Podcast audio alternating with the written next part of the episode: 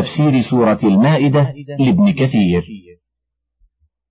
قال ابن أبي حاتم حدثنا محمد بن عمار حدثنا سعيد بن سليمان حدثنا عباد بن العوام عن سفيان بن حسين عن الحكم عن مجاهد عن ابن عباس قال كان النبي صلى الله عليه وسلم مخيرا إن شاء حكم بينهم وإن شاء أعرض عنهم. فردهم إلى أحكامهم فنزلت وأن احكم بينهم بما أنزل الله ولا تتبع أهواءهم.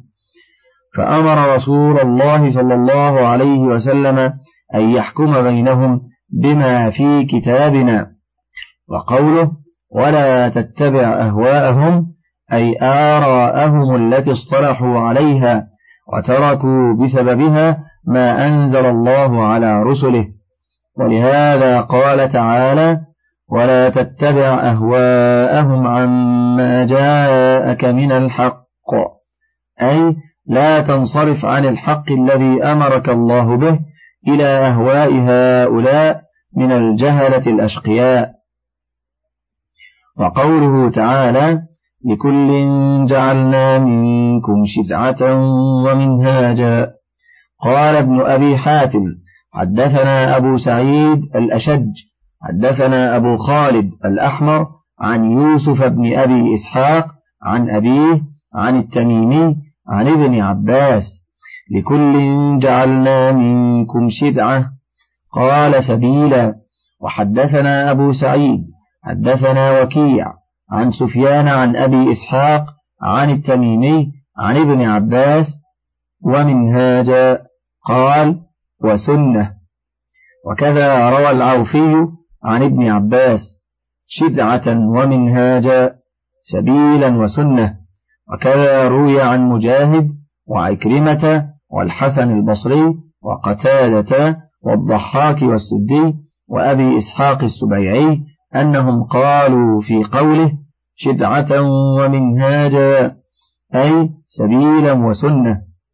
وعن ابن عباس أيضا ومجاهد وعطاء الخراساني عكسه شدعة ومنهاجا أي سنة وسبيلا والأول أنسب فإن الشرعة وهي الشريعة أيضا هي ما يبتدأ فيه إلى الشيء ومنه يقال شرع في كذا أي ابتدأ فيه وكذا الشريعة وهي ما يشرع فيها إلى الماء أما المنهاج فهو الطريق الواضح السهل والسنن الطرائق فتفسير قوله شرعة ومنهاجا بالسبيل والسنة أظهر في المناسبة من العكس والله أعلم.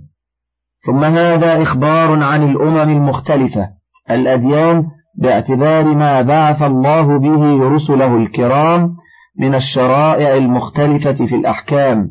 المتفقة في التوحيد. كما ثبت في صحيح البخاري عن أبي هريرة أن رسول الله صلى الله عليه وسلم قال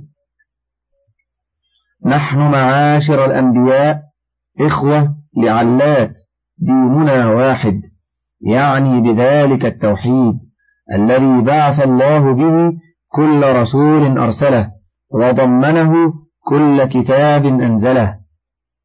كما قال تعالى وما أرسلنا من قبلك من رسول إلا نوحي إليه إلا نوحي إليه أنه لا إله إلا أنا فاعبدون.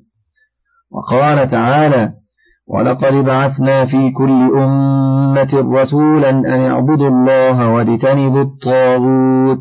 الآية. وأما الشرائع فمختلفة في الأوامر والنواهي. فقد يكون الشيء في هذه الشريعة حراما ثم يحل في الشريعة الأخرى وبالعكس. وخفيفا فيزاد في الشدة في هذه دون هذه وذلك لما له تعالى في ذلك من الحكمة البالغة والحجة الدامغة.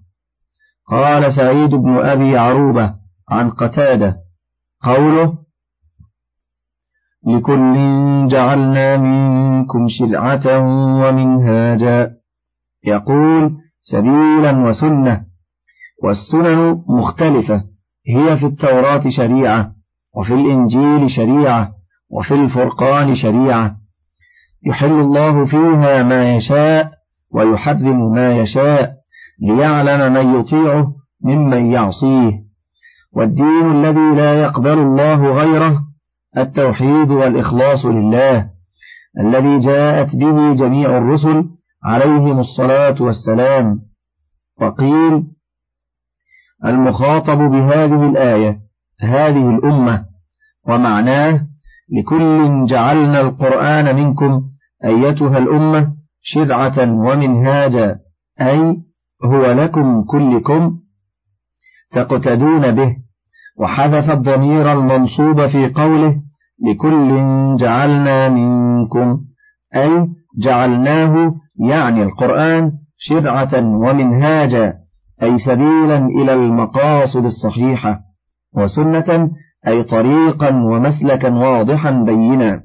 هذا مضمون ما حكاه ابن جرير عن مجاهد رحمه الله. والصحيح القول الأول. ويدل على ذلك قوله تعالى بعده ولو شاء الله لجعلكم أمة واحدة فلو كان هذا خطابا لهذه الأمة لما صح أن يقول ولو شاء الله لجعلكم أمة واحدة وهم أمة واحدة. ولكن هذا خطاب لجميع الأمم.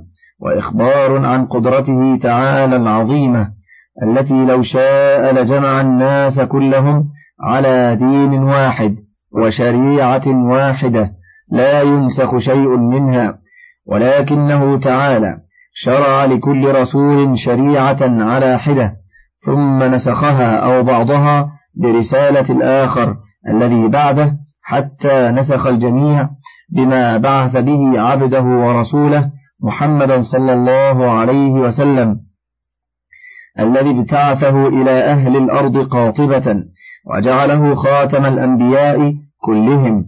ولهذا قال تعالى ولو شاء الله لجعلكم أمة واحدة ولكن ليبلوكم فيما آتاكم أي أنه تعالى شرع الشرائع مختلفة ليختبر عباده فيما شرع لهم ويثيبهم أو يعاقبهم على طاعته ومعصيته بما فعلوه أو عزموا عليه من ذلك كله.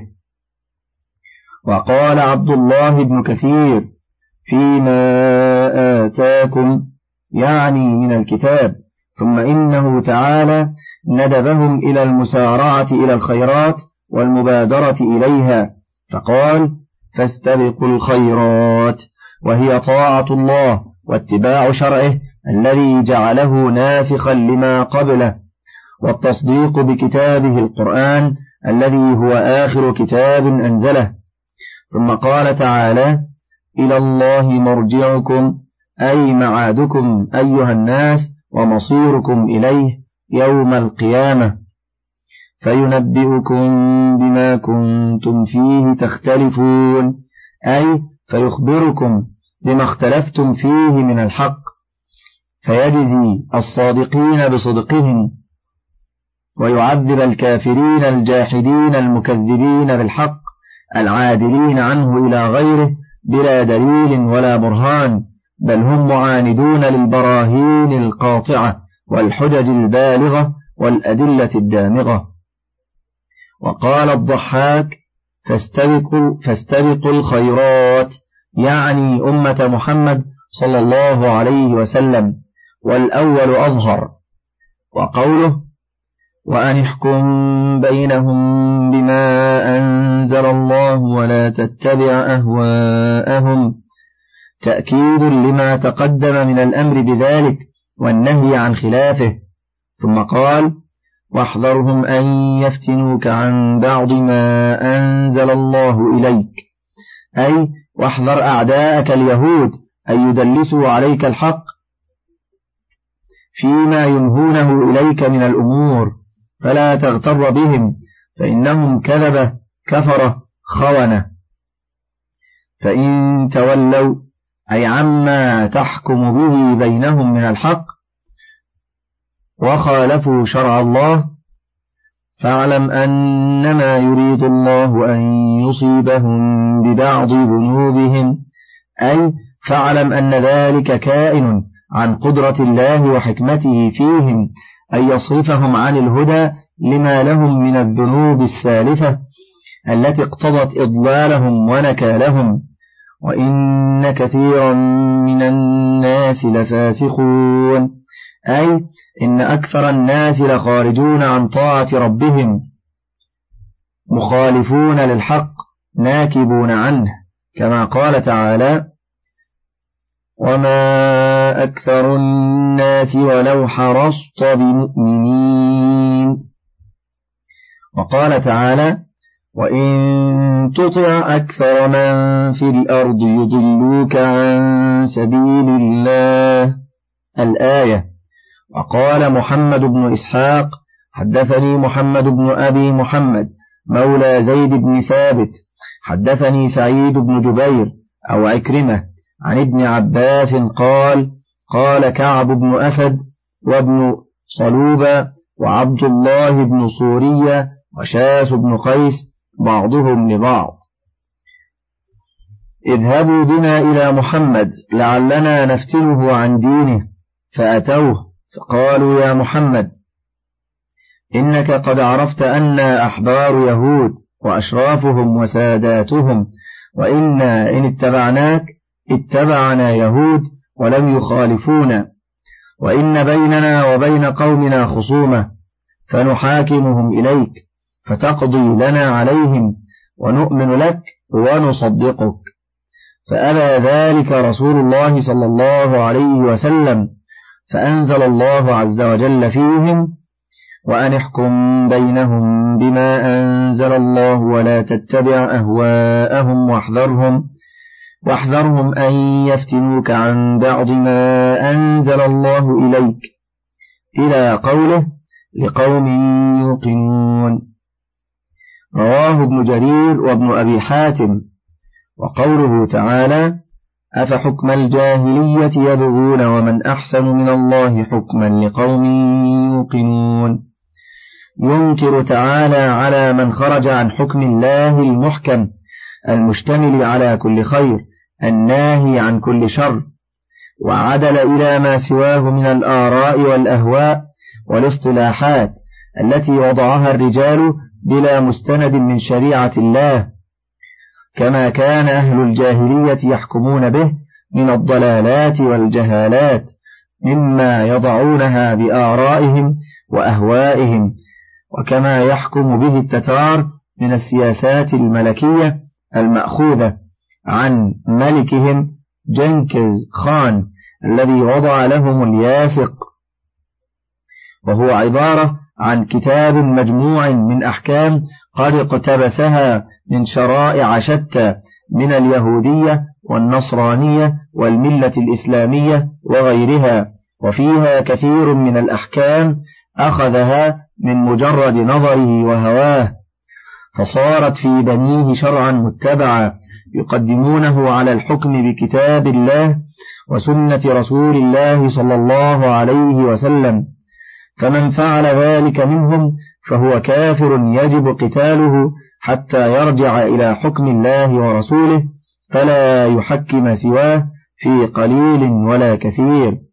قال تعالى أفحكم الجاهلية يبغون أي يبتغون ويريدون وعن حكم الله يعدلون.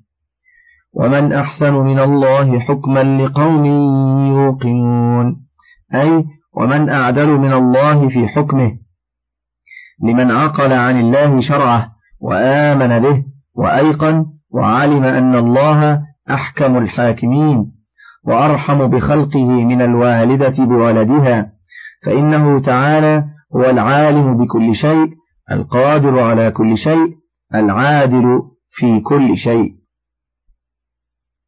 وقال ابن أبي حاتم حدثنا أبي حدثنا هلال بن فياض حدثنا أبو عبيدة الناجي قال سمعت الحسن يقول من حكم بغير حكم الله فحكم الجاهلية.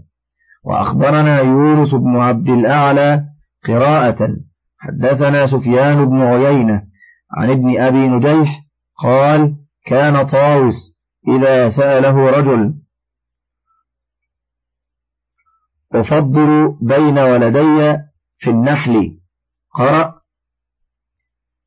أفحكم الجاهلية يبغون؟ الآية. وقال الحافظ أبو القاسم الطبراني حدثنا أحمد بن عبد الوهاب ابن نجدة الحوطي. حدثنا أبو اليمان الحكم بن نافع. أخبرنا شعيب بن أبي حمزة عن عبد الله بن عبد الرحمن بن أبي حسين عن نافع بن جبير عن ابن عباس قال قال رسول الله صلى الله عليه وسلم أبغض الناس إلى الله عز وجل من يبتغي في الإسلام سنة الجاهلية. وطالب دم امرئ بغير حق ليريق دمه. وروى البخاري عن أبي اليمان بإسناده نحوه بزيادة. يا أيها الذين آمنوا لا تتخذوا اليهود والنصارى أولياء بعضهم أولياء بعض. ومن يتولهم منكم فإنه منهم. إن الله لا يهدي القوم الظالمين. فترى الذين في قلوبهم مرض يسارعون فيهم يقولون يقولون نخشى أن تصيبنا دائرة فعسى الله أن يأتي بالفتح أو أمر من عنده فيصبحوا فيصبحوا على ما أسروا في أنفسهم نادمين. ويقول الذين آمنوا أهؤلاء الذين أقسموا بالله أهؤلاء الذين أقسموا بالله جهد أيمانهم إنهم لمعكم حبطت أعمالهم فأصبحوا خاسرين. ينهى تبارك وتعالى عباده المؤمنين عن موالاة اليهود والنصارى الذين هم أعداء الإسلام وأهله. قاتلهم الله. ثم أخبر أن بعضهم أولياء بعض ثم تهدد وتوعد من يتعاطى ذلك فقال ومن يتولهم منكم فإنه منهم. الآية. قال ابن أبي حاتم حدثنا كسير بن شهاب حدثنا محمد يعني ابن سعيد بن سابق حدثنا عمرو بن أبي قيس عن سماك بن حرب عن عياض أن عمر أمر أبا موسى الأشعري أن يرفع إليه ما أخذ وما أعطى في أدين واحد وكان له كاتب نصراني فرفع إليه ذلك فعجب عمر وقال إن هذا لحفيظ هل أنت قارئ لنا كتابا في المسجد؟ جاء من الشام. فقال إنه لا يستطيع. فقال عمر أجنب هو؟ قال لا بل نصراني. قال فانتهرني وضرب فخذي. ثم قال أخرجوه. ثم قرأ يا أيها الذين آمنوا لا تتخذوا اليهود والنصارى أولياء. الآية. ثم قال حدثنا محمد بن الحسن ابن محمد بن الصباح حدثنا عثمان بن عمر أنبأنا بن عون عن محمد بن سيرين قال قال عبد الله بن عتبة ليتقي أحدكم أن يكون يهوديا أو نصرانيا وهو لا يشعر. قال فظنناه يريد هذه الآية. يا أيها الذين آمنوا لا تتخذوا اليهود والنصارى أولياء الآية.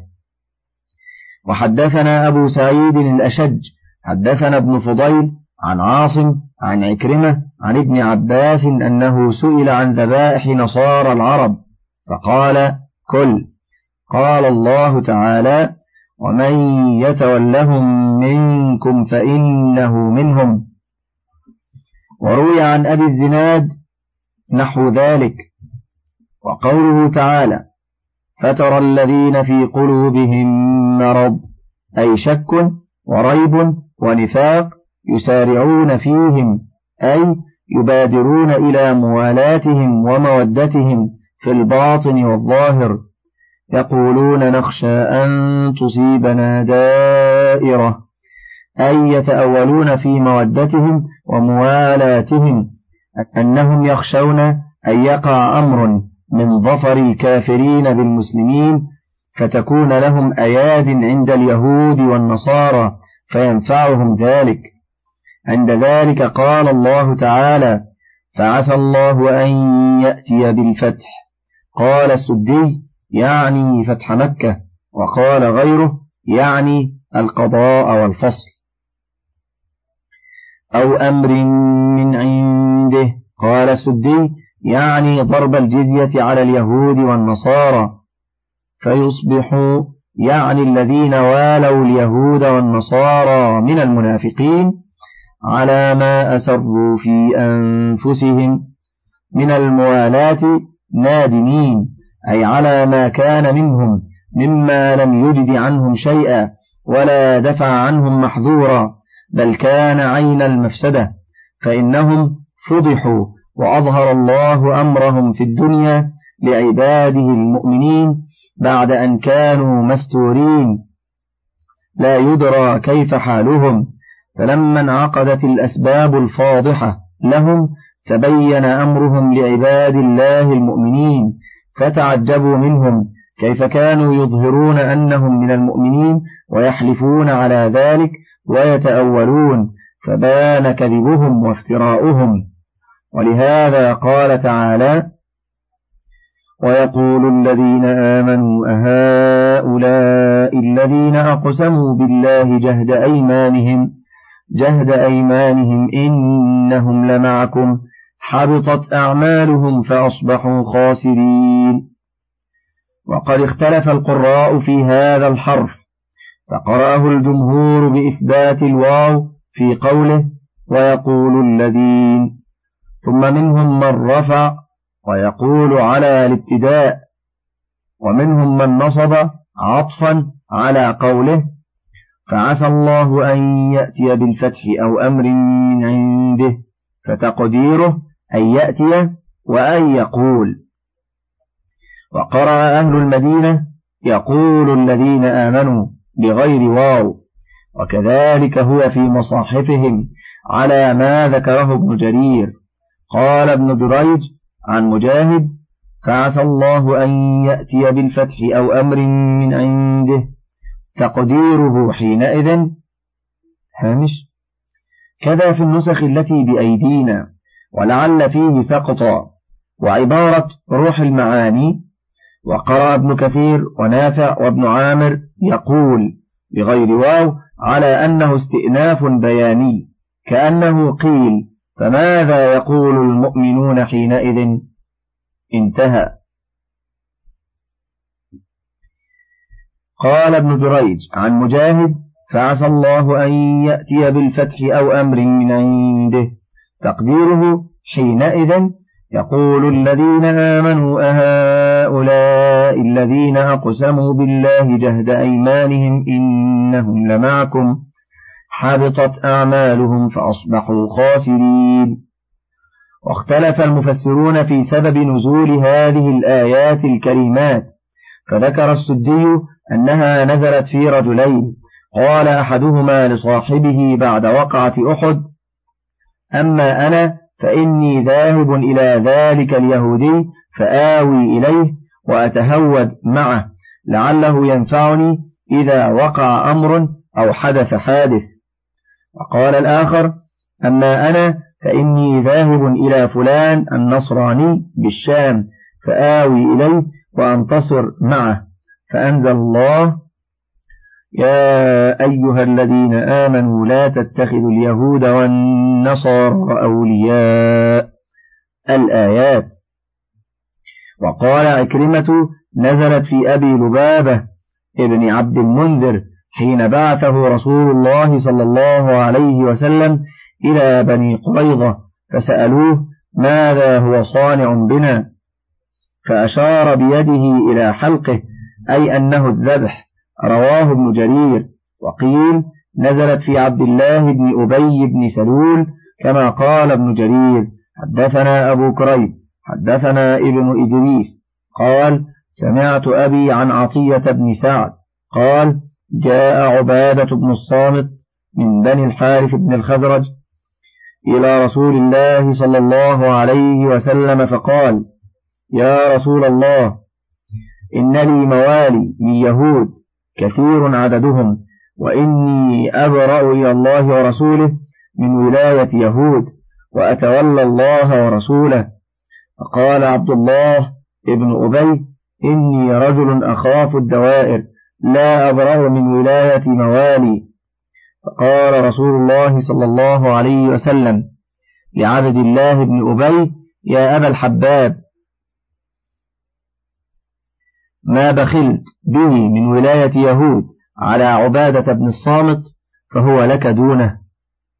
قال قد قبلت فأنزل الله عز وجل يا أيها الذين آمنوا لا تتخذوا اليهود والنصارى أولياء الآيتين.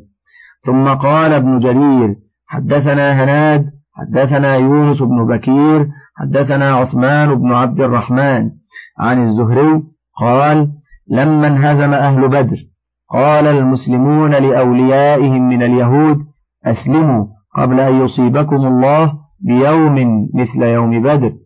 فقال مالك بن الصيف أغركم أن أصبتم رهطا من قريش لا علم لهم بالقتال؟ أما لو أسررنا العزيمة أن نستجمع عليكم لم يكن لكم يد أن تقاتلونا. فقال عبادة بن الصامت يا رسول الله إن أوليائي من اليهود كانت شديدة أنفسهم كثيرا سلاحهم شديدة شوكتهم وإني أبرأ إلى الله وإلى رسوله من ولاية يهود ولا مولى لي إلا الله ورسوله. فقال عبد الله بن أبي لكني لا أبرأ من ولاية يهود إني رجل لا بد لي منهم. فقال رسول الله صلى الله عليه وسلم يا أبا الحباب أرأيت الذي نفست به من ولاية يهود على عبادة بن الصامت فهو لك دونه؟ فقال إذا أقبل.